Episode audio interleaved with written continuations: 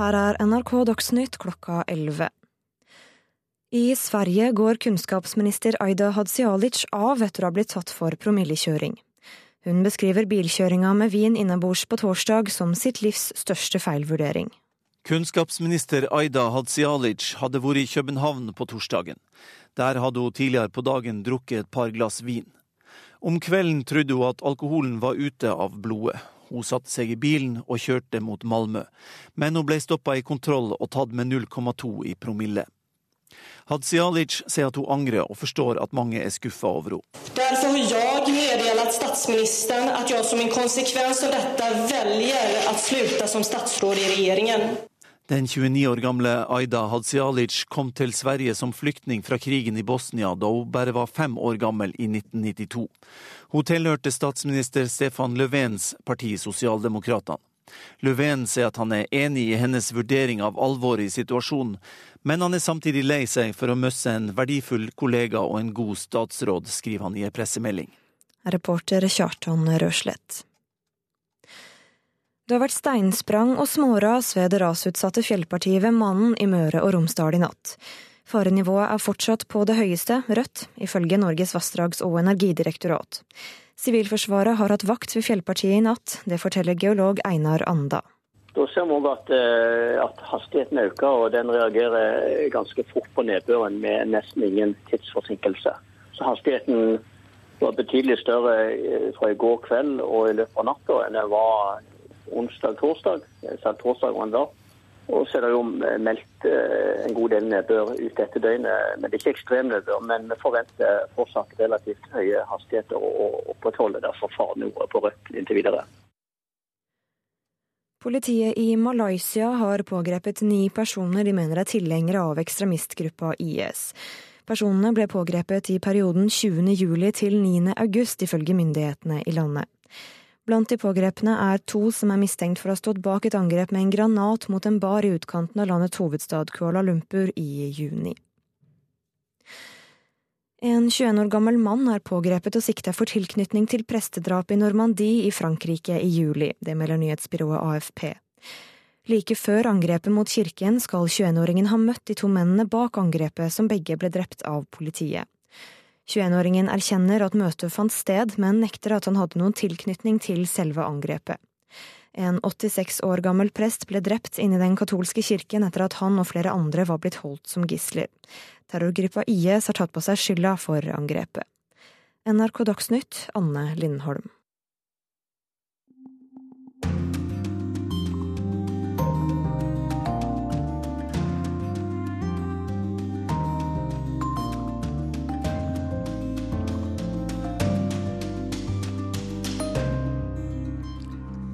Hva er galt med Donald Trump, spør amerikanerne, og republikanerne er bekymret for hans mentale helse.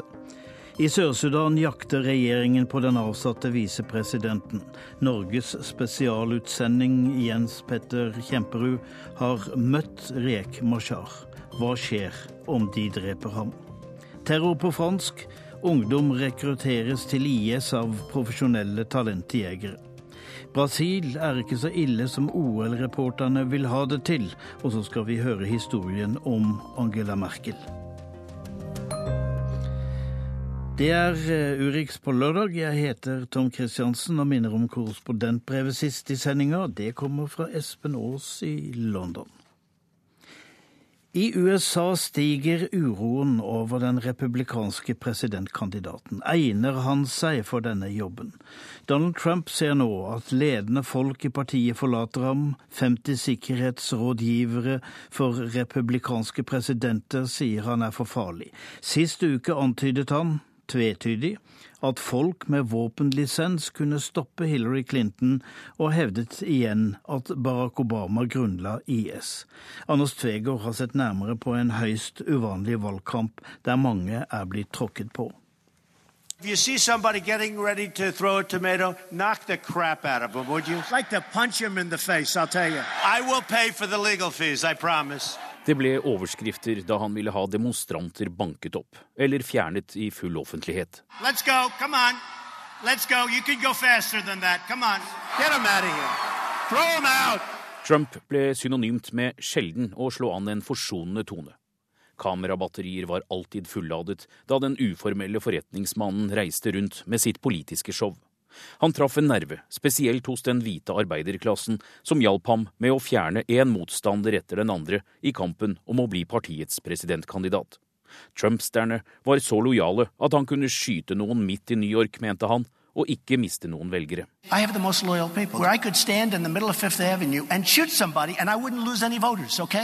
Så forsøkte den kontroversielle 70-åringen å berolige de mer etablerte i partiet, som reagerte på stilen hans og dem som kritiserte ham for dårlig grammatikk i talene eller skrivefeil i utallige utbrudd på sosiale medier. I can be more presidential if I want to be. I can be more presidential than anybody. You know, when I have 16 people coming at me from 16 different angles, uh, you don't want to be so presidential. You have to win, you have to beat them back, right?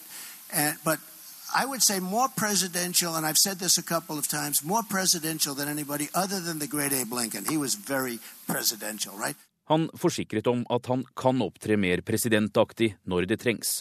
Bare partiets første president, Abraham Lincoln, ville overgå ham. Men Trump la vekt på at det ville være vanskelig å endre oppførsel, samtidig som 16 andre republikanske håpfulle angrep ham hele tida. Mannen, som aldri før har hatt et politisk verv, fortsatte å bygge varemerket ved å fornærme og overraske. They're bringing drugs, they're bringing crime, they're rapists, and some I assume are good people. Donald J. Trump is calling for a total and complete shutdown. Donald Trump er republikanernes mest upopulære presidentkandidat. Men det i et valgår der heller ikke rivalen skårer høyt. Trump har vært flink til å understreke hvor dyktig han er, men mannen som sådde tvil om president Obamas fødselsattest, er kritisert for å skjule kunnskapene om verden utenfor USA. Han tåler kritikk dårlig, snakker usammenhengende og lar seg lett distrahere, viser utskrifter av intervjuseansene med ham. TV-kjendisen, som har sagt at han bare trenger fire timer søvn i døgnet, kan innta en offerrolle. So horrible, horrible og avfeier ofte uforsiktige uttalelser som spøk, eller bruker favorittsvaret medieskapt. Words matter, my friends. Det betyr noe hvordan du ordlegger deg, sier rivalen Hillary Clinton. States, words can have tremendous consequences. Hun ramser opp en liste med Trumps påståtte overtramp og mangel på besinnelse, hans ondskap mot en muslimsk veteranfamilie, hans skjødesløse forslag om at flere land bør ha atomvåpen, og det hun tolker som hans opphissing til vold. Det siste kom for få dager siden på et valgmøte i den våpenvennlige delstaten Nord-Carolina. Trump pleier å omtale våpenaktivistene som en mektig politisk maktfaktor, som kan stanse Clinton i valglokalene. Han spiller på Second Amendment, det andre grunnlovstillegget, som handler om retten til å bære våpen, og hevder på møte etter møte at Clinton vil ta det fra dem ved å utnevne radikale høyesterettsdommere.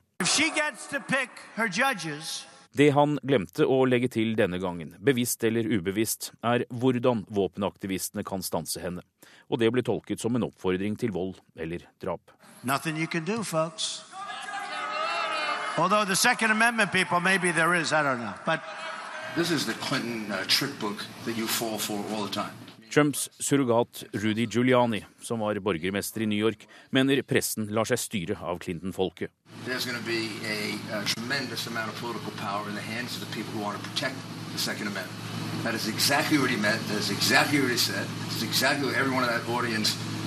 is. Alle på møtet forsto hva Trump snakket om, deres politiske makt. Clinton-kampanjen prøver bare å vri det til sin fordel, sa Giuliani da kritikken begynte å hagle.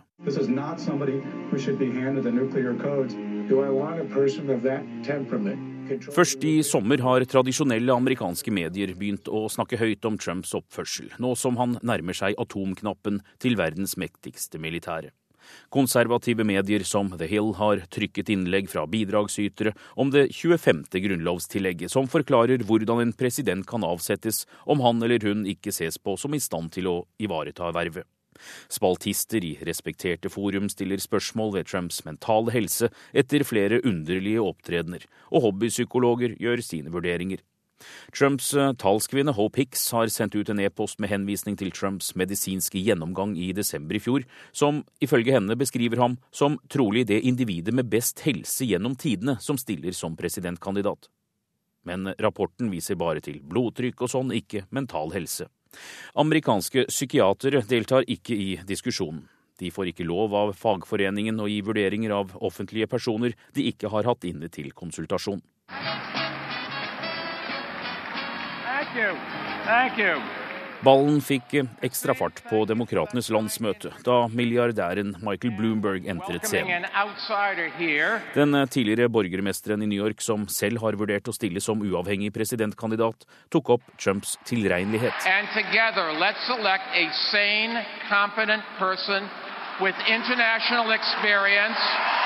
Bloomberg, som ikke tilhører noe parti, ber dem om hjelp til å velge en president som er mentalt frisk, kompetent med internasjonal erfaring, som er voksen nok til å ta imot råd og bygge bro. Alle uttalelsene fra Trump gjør at det republikanske partiet nå er i villrede. Hva skal de gjøre for ikke å tape alt i november? Tove Bjørgaas har tatt temperaturen på uroen i partiet. Det er høy feber, og noen har tatt senga. I just cannot support Donald Trump. I do not believe that he is the president that we need. Den første av republikanernes senatorer gikk fra bordet denne uka. Susan Collins fra Maine kommer ikke til å stemme på Donald Trump i november. Hun kan snart få følge av flere fra eget parti. For uroen øker over at den republikanske partiskuta med Donald Trump ved roret allerede kan være i ferd med å synke. Valgmatematikernes svar har lenge vært at den i alle fall tar inn vann. Lenge før Trump gikk bananas etter landsmøtene og sørget for at Hillary Clinton nå leder med mer enn 10 prosentpoeng på mange målinger, så en valgseier krevende ut for ham. Å sikre seg en plass i Det hvite hus handler som kjent ikke om å få et flertall av alle amerikanske velgeres stemmer. En blir president ved å sikre seg minst 270 valgmannsstemmer. Og det gjelder å vinne delstater der de to partiene har omtrent like stor oppslutning. Og her kommer matematikken inn.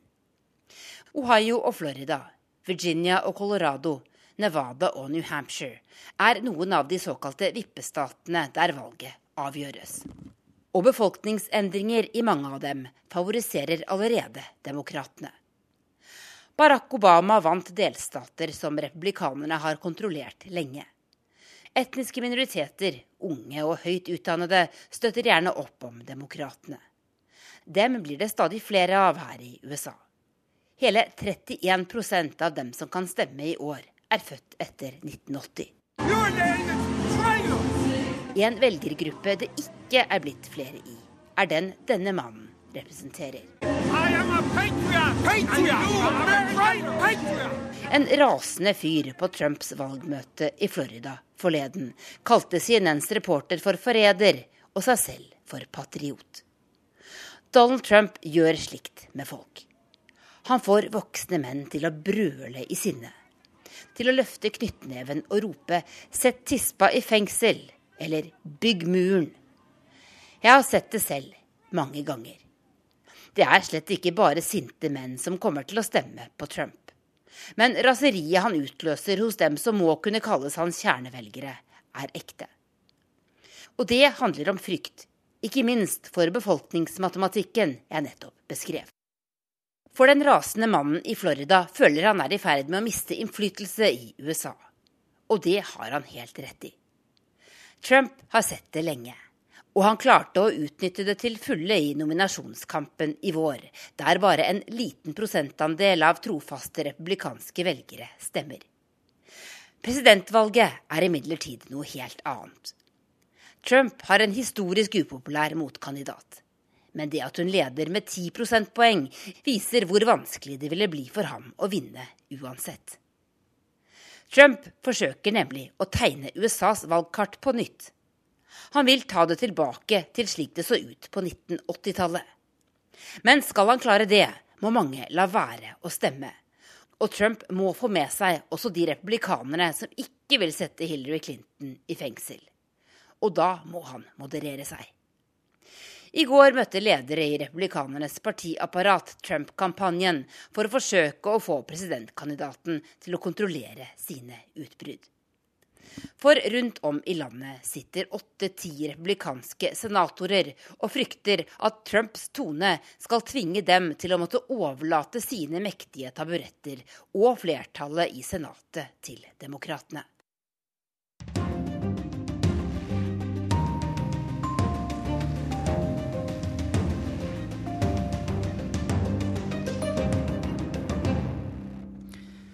Nasjonen Sør-Sudan er i ferd med å gå i oppløsning, og verre katastrofer truer.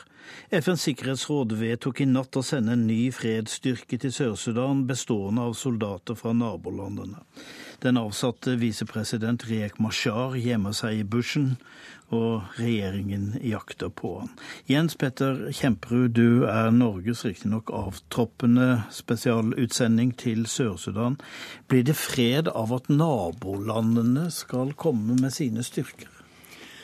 Det er et stort eh, dilemma. Samtidig så er det nesten umulig å få andre troppebidragsytende land. Uh, nabolandene Kenya, Eh, Etiopia og Rwanda, som riktignok ikke er naboland, men som har bidratt til styrkene der, eh, anses allikevel som såpass nøytrale i forhold til den interne konflikten at eh, man har funnet at dette er en god løsning. De, det jaktes på Riek Mashar som er i bushen. Er det for å arrestere han eller drepe han? Um, det er, eh, det er, et vanskelig spørsmål. Eh, men det er vanskelig å se for seg at, eh, at regjeringen vil gå til det skritt å, å arrestere ham med den mangelen på rettssystem osv. At man vil gå til det skritt.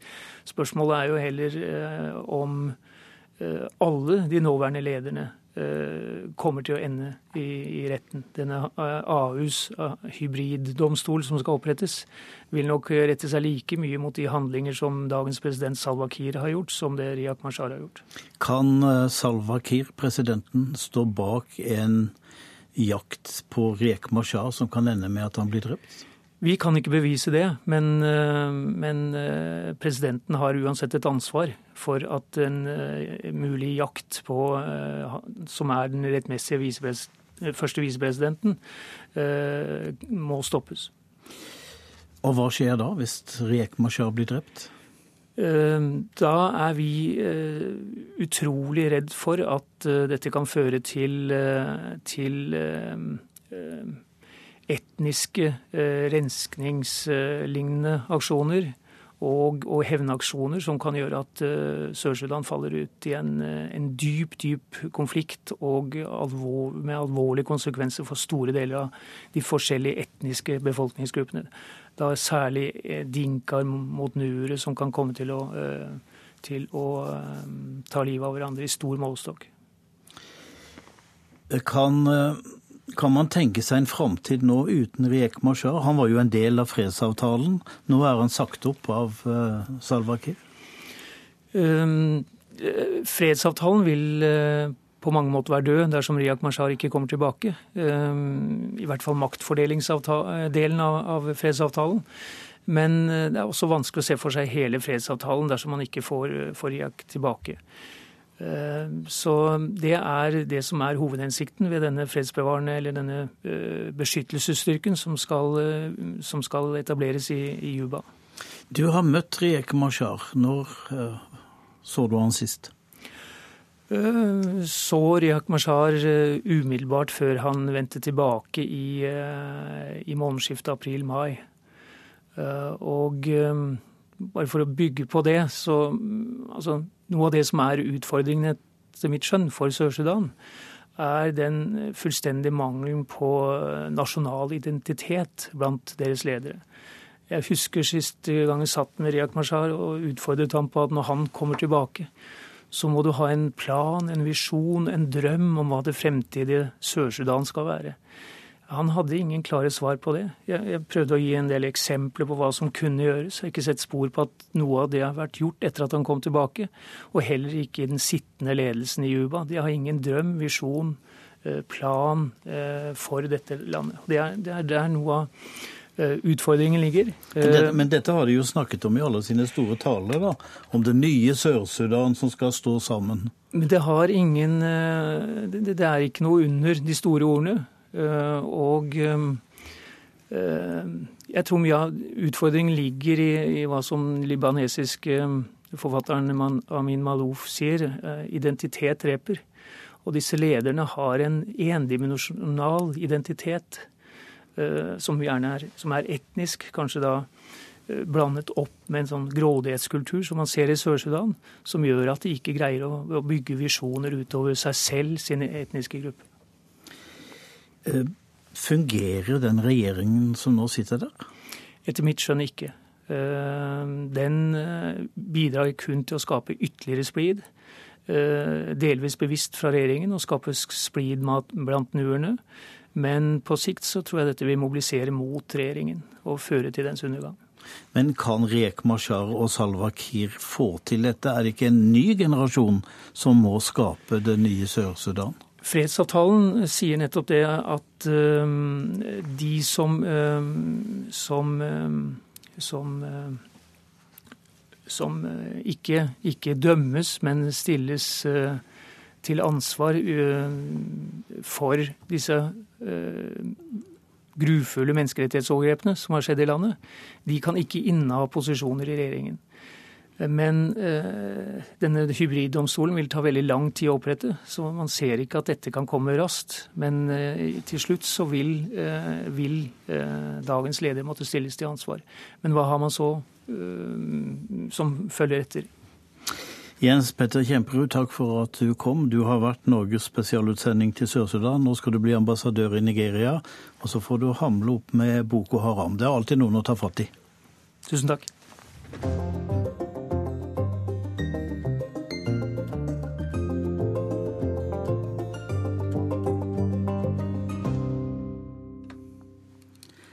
I løpet av halvannet år er 236 liv gått tapt i terror i Frankrike. De fleste ugjerningsmennene er født og oppvokst i Frankrike, og de er blitt rekruttert. Fransk etterretning ettersøker nå mannen som hjernevasker de fleste. Tolv drept i terrorangrepet mot en avis i Paris. Flere skytinger i sentrum av Paris. Eksplosjoner hørt ved Stade France. I byen Nice i Sør-Frankrike har en lastebil kjørt inn I løpet av de siste 18 månedene har en rekke terrorangrep krevd 237 menneskeliv i Frankrike, og spredt frykt gjennom hele Europa. Mange av terroristene har blitt radikalisert av såkalte rekrutterere og den mest kjente franske rekruttereren av alle er 41 år gamle Omar Diaby. Nous devons apprendre notre religion, notre akida, avant tout, voire indéfiniment. Ettersøkt over hele verden anslår fransk etterretning at han alene har ansvar for at flere hundre unge gutter og jenter har reist til Syria for å kjempe eller dø i Guds navn. Siden 2014 har Omar Diaby tilhørt den Al Qaida-tilknyttede Al-Nusra-fronten i Syria, hvor han leder en gruppe unge franskmenn som han gjennom prekener og propagandavideoer har fått til å forlate familiene sine og komme til Syria for å kjempe en såkalt hellig krig. Omar Homsen, je lui ai parlé il y a quelques jours par Skype. Til journalisten Gael Jolie i France Info, som har snakket med ham via Skype fra hans syriske skjulested, forteller han hvorfor han tror at budskapet i videoene hans har truffet så mange mennesker. C'est parce qu'en fait, je fais de la vidéo que je publie sur Internet. On, on, on expose en fait des faits avec des preuves coraniques. Jeg lager videoer hvor jeg bare legger frem fakta og peker på bevisene i Koranen.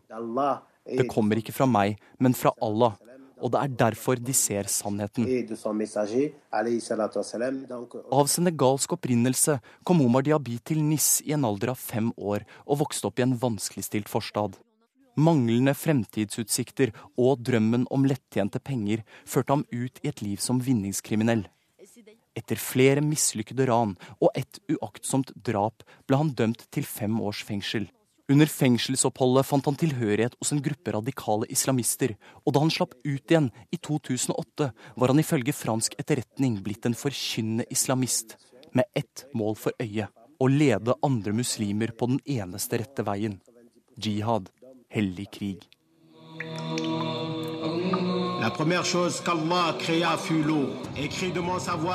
Ryktet hans som tidligere gangster bidro til å gi han en legitimitet blant mange unge i NIS. Og da han tok over en sandwichbar i 2009, bød han på gratis bagetter og PlayStation for å lokke dem til baren.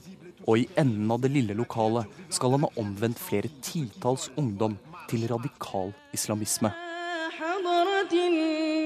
Det tar ikke lang tid før den selvutnevnte predikanten får lyst til å nå fler. Han kjøper seg en datamaskin og redigeringsutstyr, og i 2012 skal han ifølge fransk etterretning ha sittet i månedsvis og laget propagandavideoer på hybelen sin i Nis. Disse videoene skulle senere vise seg å få katastrofale følger for mange familier. Bilder av lidende syrere, konspirasjonsteorier og referanser til Koranen. Videoene han har lagt ut på YouTube, har blitt sett over en million ganger. Ifølge det franske senteret for deradikalisering er internett den største kilden til ekstremisme.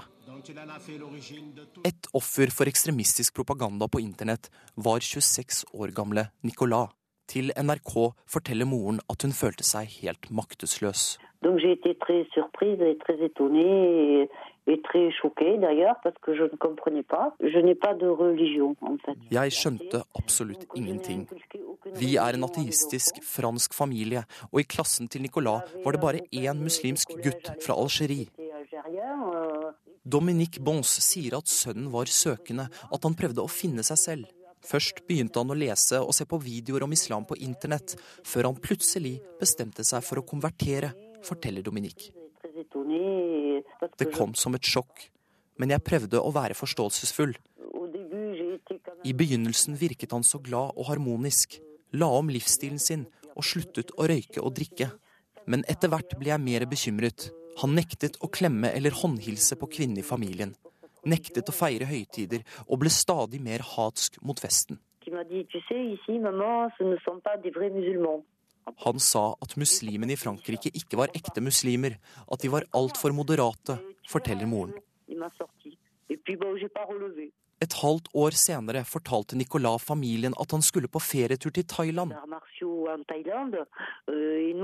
I virkeligheten reiste han til Syria for, ifølge ham selv, å kjempe mot Assads regime og leve i en sann islamsk stat.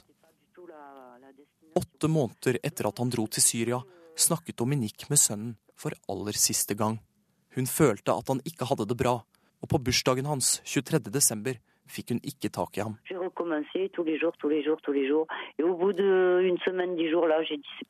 Jeg ventet på svar døgnet rundt. Julen var forferdelig.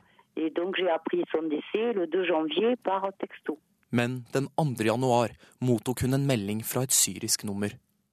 På meldingen sto det Nicolas døde som martyr. Gud er stor. Et par år etter å ha oppdaget ekstremistisk propaganda på nettet, hadde sønnen utført et selvmordsangrep et sted i nærheten av Aleppo. Siden 2012 har minst 1100 franskmenn reist til Syria. Ifølge PST har minst 90 nordmenn reist dit i samme periode, og i forhold til folketall er det like mange som i Frankrike.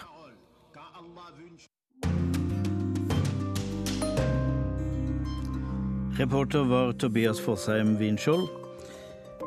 Klokka er snart halv tolv. Dette er Urix på lørdag. Korrespondentbrevet kommer fra London, men før det skal vi høre historien om Angela Merkel, og om en av verdens største filmskapere som er død, en mann de fleste i Europa har hørt om.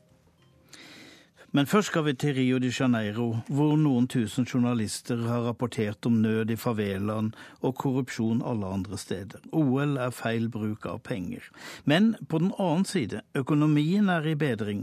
Virkeligheten er en annen enn den sportsreporterne formidler, sier observatører som bor i Brasil, og en av dem er reporter Arnt Stefansen. Declaro abertos os Jogos Olímpicos do Rio Brasils fungerende president Michel Temer blir møtt med pipekonsert når han åpner de olympiske sommerleker. Heller ikke den høytidelige OL-åpningen er fredet for krisestemningen her i Brasil. Mange brasilianere mener det var et skittent spill som brakte høyresiden til makten, og det er dyp misnøye med den økonomiske utviklingen i landet. Men samtidig skjer det noe viktig i den brasilianske økonomien, sier brasilkjenneren Arne Christian Haukeland, leder for DNBs kontor her i Rio. Alt tyder på at man er på vei ut av den uh, dypeste resesjonen man har hatt siden uh, begynnelsen på 1900-tallet. Og at man vil se en gradvis vekst. Uh, allerede i år begynner tallene å se noe mer positive ut på månedsbasis. Og, og, at man vil være over i en positiv vekst i, i neste år. Brasils industriproduksjon vokser for fjerde måned på rad. Landets mynt, realen, har styrket seg kraftig, og inflasjonen er på vei nedover etter å ha skutt i været de siste årene. I tillegg har de globale råvareprisene begynt å øke igjen etter flere dårlige år. En svært god nyhet for storeksportøren Brasil. Landets økonomi var overmoden for en bedring, sier Arne Christian Haukeland i DNB. Mye skyldes eh, rett og slett at man har hatt et kraftig fall i brasiliansk økonomi over flere år. Samtidig så har man fått en positiv effekt av et regjeringsskifte. Uten at det konkret har skjedd eh, ting, så medfører som oftest et eh, regjeringsskifte at du får en, en, en ny optimisme inn i økonomien på forventninger om at ting skal, skal bedres. Men regjeringsskiftet her i Brasil nå i mai var definitivt ikke like populært hos alle. Ut med temer, roper disse demonstrantene her i Rio de Janeiro, og de frykter at den nye sentrum-høyre-regjeringen vil føre en politikk som først og fremst tjener næringslivet og de rike.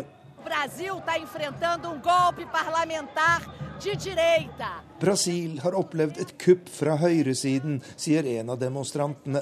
Ved å misbruke landets lover ble den valgte presidenten Dilma Rousef stilt for riksrett, og hensikten er å gjøre slutt på de sosiale ordningene som har vært til gode for landets fattige, sier hun. Votaram sim 59 senadores.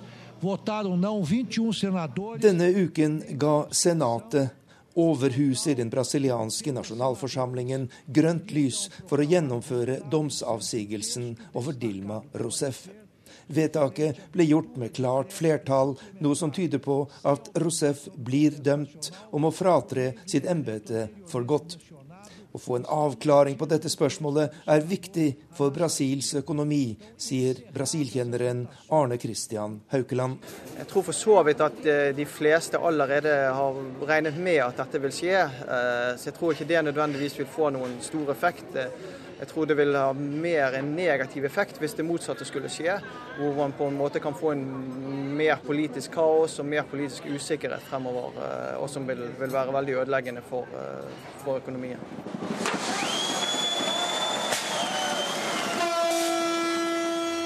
Den økonomiske utviklingen her i Brasil er viktig for Norge. Norske selskaper har investert mer enn 200 milliarder kroner i Brasil den største norske satsingen utenfor EU og USA.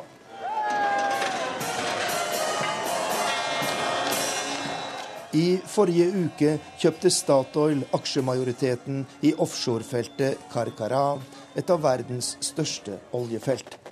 Forrige eier var det brasilianske statsoljeselskapet Petrobras, og kjøpet er et svært positivt signal for norske bedrifter i Brasil, sier Arne Christian Haukeland i DNB. Det er positivt for norske bedrifter, fordi de får en eh, mye større og en annen kunde i det brasilianske markedet. Samtidig sender det et veldig viktig signal om at Brasil er i ferd med å diversifisere offshoresektoren sin og at man tillater internasjonale oljeselskaper til å, å ta en større andel. Og Det er et uh, veldig positivt uh, bilde på, på, noe sikt. I øyeblikket er det de olympiske sommerleker som dominerer nyhetene fra Brasil, og mange frykter at regningen etter OL blir blytung for arrangøren. Men kanskje er det lys i tunnelen for Sør-Amerikas kjempe.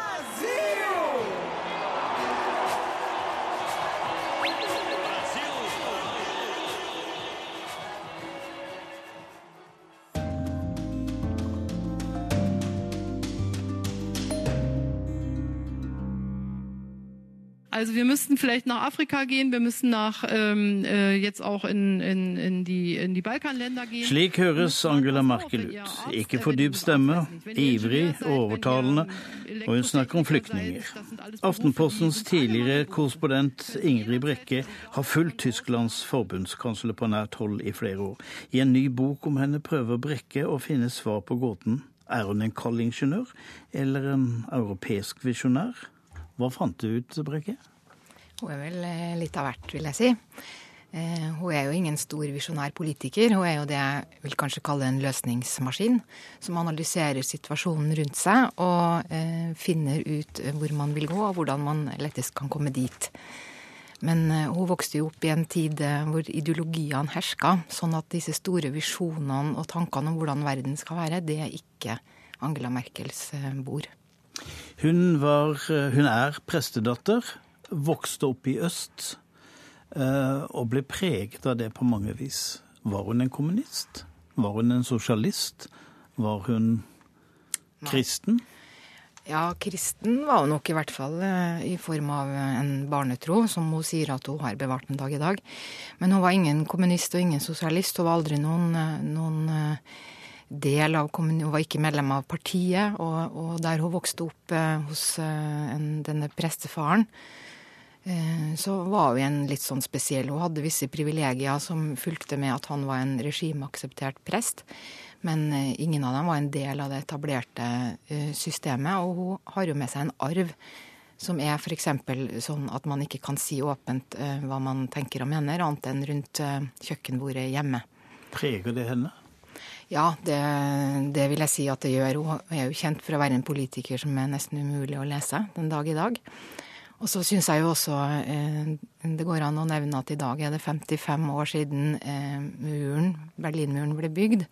Og det er også Angela Merkels første politiske minne. Og det er klart at det å ha vokst opp med det eh, Hennes mor var jo opprinnelig fra Hamburg og kunne jo da ikke reise til sin hjemby eh, på et par-tre tiår. Eh, det er klart at det er noe som preger et menneske dypt og eh, inderlig. Og også det å vokse opp et, og bli voksen og etablere seg i et system der man ikke kan være politisk aktiv annet enn på én måte. Og det var jo en måte som ikke passa Merkel. Så blir hun en nasjonal politiker i en alder av 35 år. Hvordan er det mulig på ett år, eller hvor mye det var, å komme for, som kvinne fra Øst-Europa og bli medlem av nasjonalforsamlingen? Ja, Det syns jeg jo var noe av det mest fascinerende under researchen til denne boka. da, Å prøve å finne ut hva som skjedde i det året. For da muren eh, falt høsten 89, da gjorde Merkel som mange andre DDR-borgere og gikk nærmest gatelangs og skulle finne et parti. For da ville man jo være med i den nye, eh, den nye tid. Og så endte hun opp hos denne lille eh, gruppa som ikke engang var et parti enda, men som heter Demokrat, Demokratisk oppbrudd. Og, og de ble etter hvert slått sammen med CDO, altså Kristeligdemokratene, Kåls parti. Eh, og først så begynte hun som alt altmuligkvinne, kvinne, ble ved en tilfeldighet pressetalsmann for denne, pressetalskvinne for denne lille gruppa. Og så ble hun litt sett, og så var hun også veldig ufarlig, fordi hun hadde en måte å være på som man kan se den dag i dag. Hun er en kompromissmaker uten egen agenda. Hun lytter til alle, kommer med forslag som da blir fornuftige. Og sånn uh, får man en posisjon og oppleves ikke som en trussel, og veien legges åpen. Du, eh, Ingrid Brekke, hva er det med Angela Merkel og Putin? Ja, det er jo også en, eh, en historie med røtter i denne kalde krigstida, fordi at Putin kommer jo fra den samme verden, og han var jo, som mens Merkel satt og var naturviter i, i Øst-Berlin, så var jo Putin spion for KGB i Dresden. Så eh, Merkel eh, snakker jo eh, ganske bra russisk, og, og Putin snakker tysk. Sånn at de har denne spesielle fortida, begge to, som gjør at Men det er jo to land med en vanskelig fortid. En veldig vanskelig fortid. Og det hører jo også med at man forstår hverandre nok på en måte bedre. Og Merkel forstår Putin bedre enn eh, vanlige vestlige politikere, nettopp pga. at hun skjønner hvordan denne verden setter sine spor. da. Og hun skjønner hvordan, hvordan Putin tenker. Og til gjengjeld, på den andre sida så sies det jo at Putin har respekt for Merkel. Hun er, hun er nok den eneste vestlige lederen han virkelig tar på alvor og, og, vil snakke med. Og det skyldes jo også eh, Tysklands posisjon og hennes lange tid, men det skyldes også gjetter jeg, eh, denne felles bakgrunnen og gjensidige forståelsen. Men hun er jo virkelig en, en sterk tilhenger av uh, sanksjonene i Ukraina. Hvordan går det opp i denne respekten? Ja, fordi at det å, det å, Jeg vet ikke hvor stor respekt hun har for liksom eh, systemet Putin og sånn. Men når jeg sier respekt, så mener jeg eh, respekt for eh, hvor man kommer fra, og en forståelse for hva Russland er, og hvor dette har sin har sine røtter. Men når det gjelder situasjonen i Ukraina, for så vidt hele feltet mellom EU og, og Russland, så er jo Merkel absolutt på den sida som sier at det er jo ikke Russland som skal sette dagsorden her. Dette er frie land som selv skal få bestemme eh, hvor de vil tilhøre og hva de vil gjøre. Og, og, at, og det har hun det, Jeg har jo prøvd i boka mi å sette, trekke noen linjer eh, i hennes politiske eh, virke, som ikke er så lett siden hun er så veldig pragmatisk. Men jeg ser at det er det hun alltid har vært opptatt av. Nettopp denne retten til frihet, og hvordan det går med de østeuropeiske landene som en gang var under Moskvas åk. En spennende bok. Takk for at du kom, Ingrid Brekke.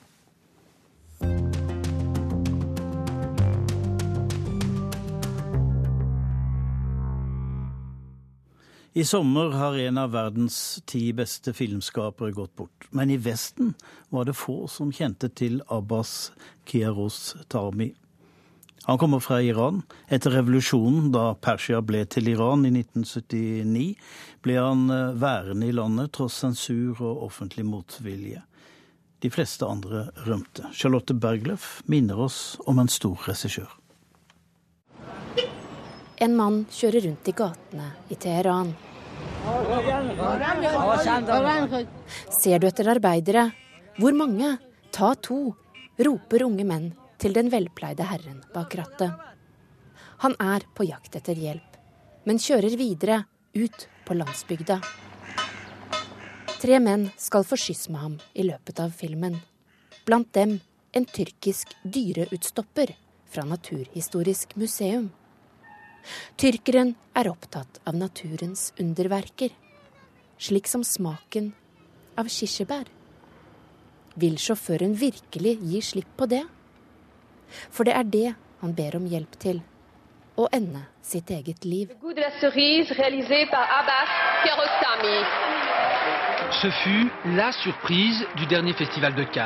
Filmen 'Smaken av kirsebær' ble hyllet med Gullpalmen i Cannes i 1997.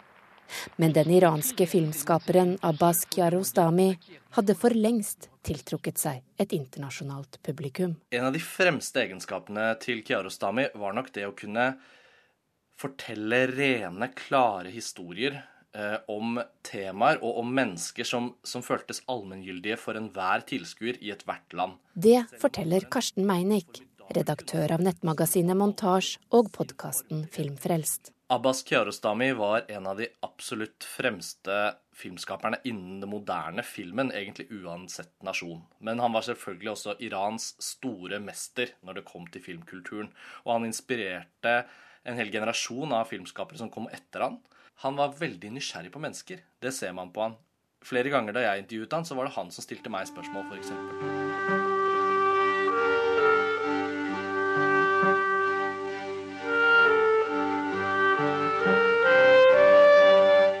Observer det som skjer rundt deg. Livet var Kiarostamis råd til filmspirer verden rundt. Ikke skjel til andre stier, andre spøker eller filmer når du skal finne historiene du vil fortelle.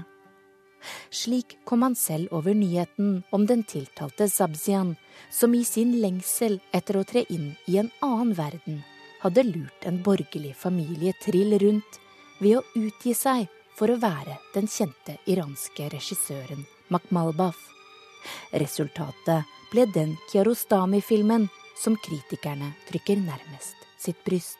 Close-up er en film som umiddelbart føles litt mystisk. Du blir usikker. Ser jeg på en dokumentarfilm, eller ser jeg på en fiksjonsfilm? Og det Kiarostami gjør, som jeg syns er så vakkert, er at han da får med denne familien, som denne svindleren har innyndet seg hos, til å eh, iscenesette de scenene fra selve forfalskningen om igjen. Så vi får se at Sabzian blir hovedpersonen i en film om seg selv, som Kiarostami lager. Kiarostami var født i Teheran i 1940 og hadde egentlig tenkt til å bli maler, inspirert av historien om van Gogh, som han kjente seg igjen i. Men etter kunststudier ved universitetet ble det linsen fremfor malerkosten som skulle bli hans fremste uttrykksform. Men også den skrevne poesien lå hans hjerte nær. Det ble flere bøker. Når jeg tenker godt etter, forstår jeg slett ikke grunnen til all denne snøens hvithet. Når jeg tenker godt etter, forstår jeg slett ikke grunnen til mødrenes omsorg for barna. Når jeg tenker godt etter, forstår jeg slett ikke grunnen til at sannheten må være så besk. Etter revolusjonen i 1979 ble han i Iran. Det foregikk parallelt en indre revolusjon i mitt eget liv, forklarte han under et intervju. Tidlig på 1980-tallet skilte han lag med moren til deres to barn. Galant på den røde løper i Cannes med filmen 'Like Someone in Love'.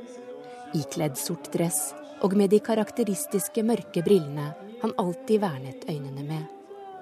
Like stilsikkert balanserte han på den knivseggen sensuren i hjemlandet innebar. Men han hadde aldri noe ønske om å flytte fra Iran. Vestlige sanksjoner mot Iran satte dog ofte en stopper for reiser til utlandet. Men i 2006 var Oslo så heldig å få smykke seg med han, med både en fotoutstilling på Stenersen-museet og en større mønstring på Film fra sør. Mye takket være en invitasjon fra den norsk-iranske filmskaperen Kaveh Terani. Det største med å møte Kirostami var å se hvordan han tenkte, hvordan han samtalte, hvor ydmyk han var, hvor til stede han var. Han er en regissør som på en utrolig elegant og besnærende måte hele tiden problematiserer filmmediet, virkelighet, dokumentar, fiksjon. Kaveh Terani mener det var avgjørende at Kiarostami fortsatte sitt virke i Iran. Fordi de historiene han forteller, kommer derfra, fordi de har en rot i persisk kultur, men også fordi han har vært eh, en så viktig motvekt til de narrativene vi møter i vestlige medier om Iran. Eh, Kiarostami har jo i Iran blitt kritisert for å ikke være tydelig nok politisk, og for å ikke heve stemmen. Jeg tenker at han gjennom nettopp den lavmælte tilstedeværelsen har klart å utrette så mye mer. Og fortelle historier fra Iran, om Iran, eh, og også om universelle menneskelige problemstillinger som har truffet et veldig stort eh, publikum i, i både øst og vest i verden. Iranian filmmaker Abbas Kiarostami has died at the age of 76. En hel filmverden er i sorg etter at Abbas Kiarostami døde 4. juli av kreft. Når jeg tenker godt etter, forstår jeg slett ikke grunnen til hundens trofasthet. Når jeg tenker godt etter, forstår jeg slett ikke grunnen til trælene i hendene til de tomhendte. Jeg tenker godt etter, forstår jeg slett ikke grunnen til redselen for døden.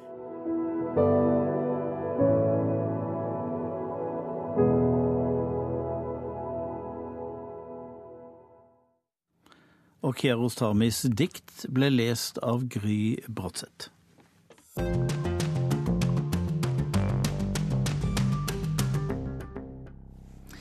En drøy måned etter at britene stemte seg ut av EU, dro NRKs Storbritannia-korrespondent Espen Aas ut på integreringskurs integreringstur langs den engelske sørkysten. Det gikk litt for godt, og her er ukens korrespondentbrev. Jeg vet ikke om det er riktig å si at sjokket hadde lagt seg helt, men iallfall virket det tilsynelatende roligere i Storbritannia da resultatet av folkeavstemningen om EU var kommet over en måned på avstand. Det var sommerferiestart for briter flest, og sommerferieslutt for NRKs utsendte medarbeider, altså meg. Etter nesten tre uker i Norge, med alt hva det medførte av skal vi si, annerledes former for køkultur, eventuelt mangel på sådan, høflighet, eventuelt mangel på sådan, og interessant prisnivå, ventet omsider en etterlengtet siste ferieuke. Den skulle foretas på engelsk jord, og ikke minst på engelsk vis. Tanken var å helintegreres blant engelskmenn på klassiske engelske feriesteder, slik jeg med hell hadde gjort i flere år, men dette året var det annerledes de hadde vendt europaryggen. En engelsk identitet har vokst frem som langt mer viktig i løpet av de siste årene. Fra før av har jo det samme skjedd med den irske, skotske og etter hvert også den walisiske identiteten gjennom opprettelsen av folkevalgte forsamlinger, diskusjoner om løsrivelse, selvbestemmelse og maktfordeling.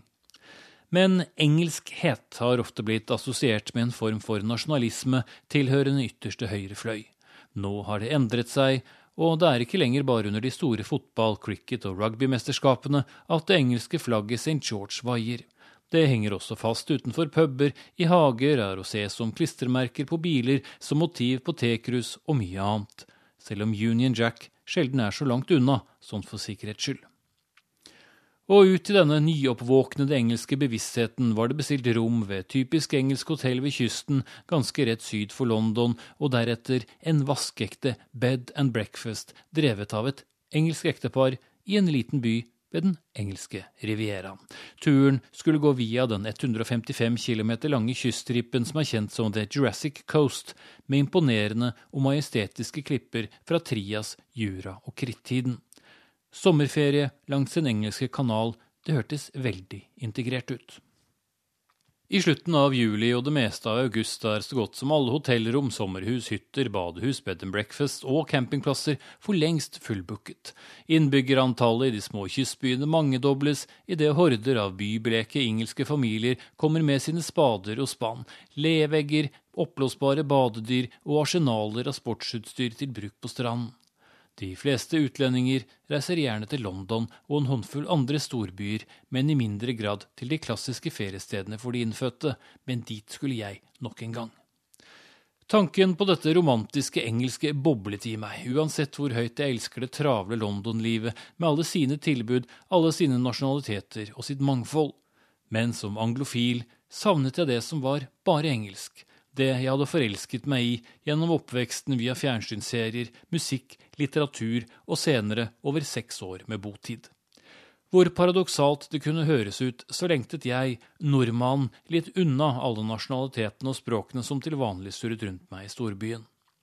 Og det fikk jeg, Først på dette engelske hotellet, et hotell hvor mange gjester var på fornavnet resepsjonisten, booket den samme leiligheten eller rommet år etter år, hvor de hadde favorittrestaurant nede i landsbyen og kjente eieren, hadde sine favoritturer i det engelske kulturlandskapet, hvor de svømte i det lille hotellbassenget etter å ha nytt en stor, fet engelsk ikke kontinental, frokost med pølser, bacon, blodpudding, kippers, stekt sopp, stekt tomat og egg i diverse former. Da jeg sjekket ut etter noen dager, valgte resepsjonisten å overse dette pussige navnet mitt, og så ut til å la min innøvde engelske aksent forlede henne til å tro at jeg var en av dem.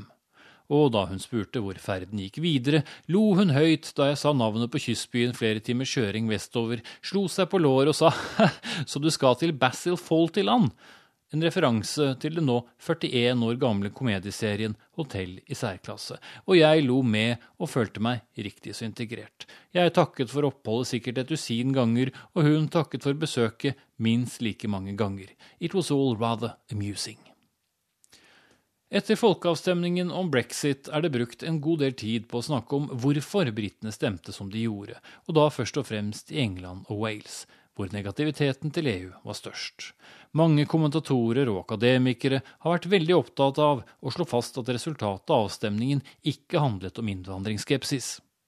Nei vel? Kanskje ikke utelukkende, da, men på alle våre reportasjeturer i månedene forut for avstemningen var dette i aller høyeste grad tema hos de vi intervjuet og ellers snakket med. Eneste unntaket var Skottland. Selv i Nord-Irland møtte vi irer som til tross for sitt eget folks historie med utvandring i mange generasjoner, så ville de ut av EU for å få kontroll over egne grenser, som jo er en av EU-kampens mest brukte setninger så vet ikke jeg hvor representative de var for hele landet, men du verden så mange akkurat vi klarte å møte som var mest opptatt av innvandring. Og det er også et selvopplevd faktum at du kan sitte på bussen i nærområdet og stort sett høre utenlandske stemmer summe rundt deg. Mange er østeuropeere eller søreuropeere, mange er asiater, ja selv vi skandinaver har noen små gettoer rundt omkring. Men slik er London og har vært det i mange, mange tiår. Eneste forskjellen er at nå er det et større innslag av utenlandske stemmer enn før. I fjor var det ny topp på netto innvandring på 333 000, tilsvarende over halve befolkningen i Oslo. Og mange briter er bekymret for om det er nok boliger, jobber, skoler og helsetilbud til alle. Det å ikke høre ditt eget morsmål på bussen hjemme har mange uttrykt som skremmende når jeg har snakket med dem. De føler seg fremmedgjort i sitt eget land, sitt eget nærmiljø, uten at det gjør de som eier de utenlandske stemmene, til noe farlig i seg selv. Svigerfaren til en av mine beste venner, som bor i den lille byen Hereford på grensen mot Wales, er en av dem som synes det er skremmende. EU-innvandrere fra særlig Polen utgjør den største minoriteten i den lille byen. De integreres lite i lokalsamfunnet, og den pensjonerte mannen tør ikke gå alene til minibanken fordi han er redd for utlendingene. Om han har grunn til å være redd, er et annet spørsmål, men han er det, og mange har latt de samme tankene dominere, uavhengig av klassetilhørighet. Men det var lite å høre til utenlandske språk der jeg nå hadde ankommet, til det endelige målet. Her var det tjukt med ferierende innfødte engelske familier samlet for dager og uker i dette ferieparadiset hvor det inne i byen eller på strandrestaurantene ble satt til livs uante mengder med nasjonalretten fish and chips til lunsj eller middag, eller kanskje var det begge deler. Hvor de kjøpte iskrem fra de små kassebilene med fantasifulle dekorasjoner i iskremtema, og hvor bensinaggregatene putret mens de holdt varelageret kaldt. Hvor de på de nærmest endeløse strendene ved det nydelige blå havet drakk dovent øl og gomlet potetgull fra kiosken, som diverse former for mellommåltider, før de satte i gang timeslange sandslåttprosjekter eller samlet andre likesinnede til tautrekking, fotball, frisbee, badminton eller hva de nå hadde båret med seg. Lokalbefolkningen i suvenirbutikken, i tehusene, i fudge-utsalgene, iskrembilene og i kiosken snakket med tykk aksent og kalte oss for løv eller pett, og utvekslet endeløse rekker av høflighetsfraser om hvordan vi måtte ha det, endeløse samtaler om været, om trafikken og om når tidevannet kom. Og det ble drukket te og spist deilige scones med clotted cream og syltetøy. Hver eneste gang tekoppene kom på bordet, lyste det opp i øynene hos gjestene, og det er som om de smakte den engelske versjonen av livets vann for aller første gang idet øynene smalnet i absolutt nytelse. Så var det som om de glemte tekoppen en liten stund, fant den igjen med en enorm gjensynsglede og gjentok ritualet. På veggene hang det jubileumstallerkener med bilder av de kongelige, selv Charles og Camilla. På badet vasket man hender ved å skålde dem under én spring, for så å forfryse dem under en annen. Å, jeg var så integrert i dette engelske paradiset. Men på ettermiddagen, da jeg stakk innom en kaffekjede for en cappuccino, hvem jobbet i kassen og serverte den uhyre velorganiserte køen av engelskmenn? Hvem eh, tok imot bestillingene på mange av de store restaurantene på kvelden? Hvem jobbet på tivoliet borte i parken? Hvem kjørte mange av drosjene på kveldstid? Det var ikke engelskmenn, det var disse så mye omtalte EU-innvandrerne, som jobbet, mens engelskmenn brukte tiden på å være engelske. Engelskmennene og noen få utlendinger som meg selv, som likte å liksom være engelske. En av dem snudde seg overrasket da han hørte et østeuropeisk ektepar på ferie snakke sammen under et besøk på et gammelt engelsk herskapshus. Jeg er ikke helt sikker, men det kan nok tenkes at i et lite nanosekund var et snev av irritasjon over at ikke engang en engelsk ferie var hellig for utlendinger. Før han ble flau og kom på at han selv var en utlending, en nordmann, en innvandrer. Og hvis du lurer på hvor jeg var, ja, så kan jeg jo ikke si det. Det vil jo bety at det kanskje kom flere utlendinger dit. Der setter eh, utenriksredaksjonen strikk. Teknisk ansvarlig var Finn Lie. Produsent Liv Rønnaug Lillåsen. I studio Tom Kristiansen. Og du kan høre kortversjonen av Urix på lørdag klokka 16.40 i ettermiddag.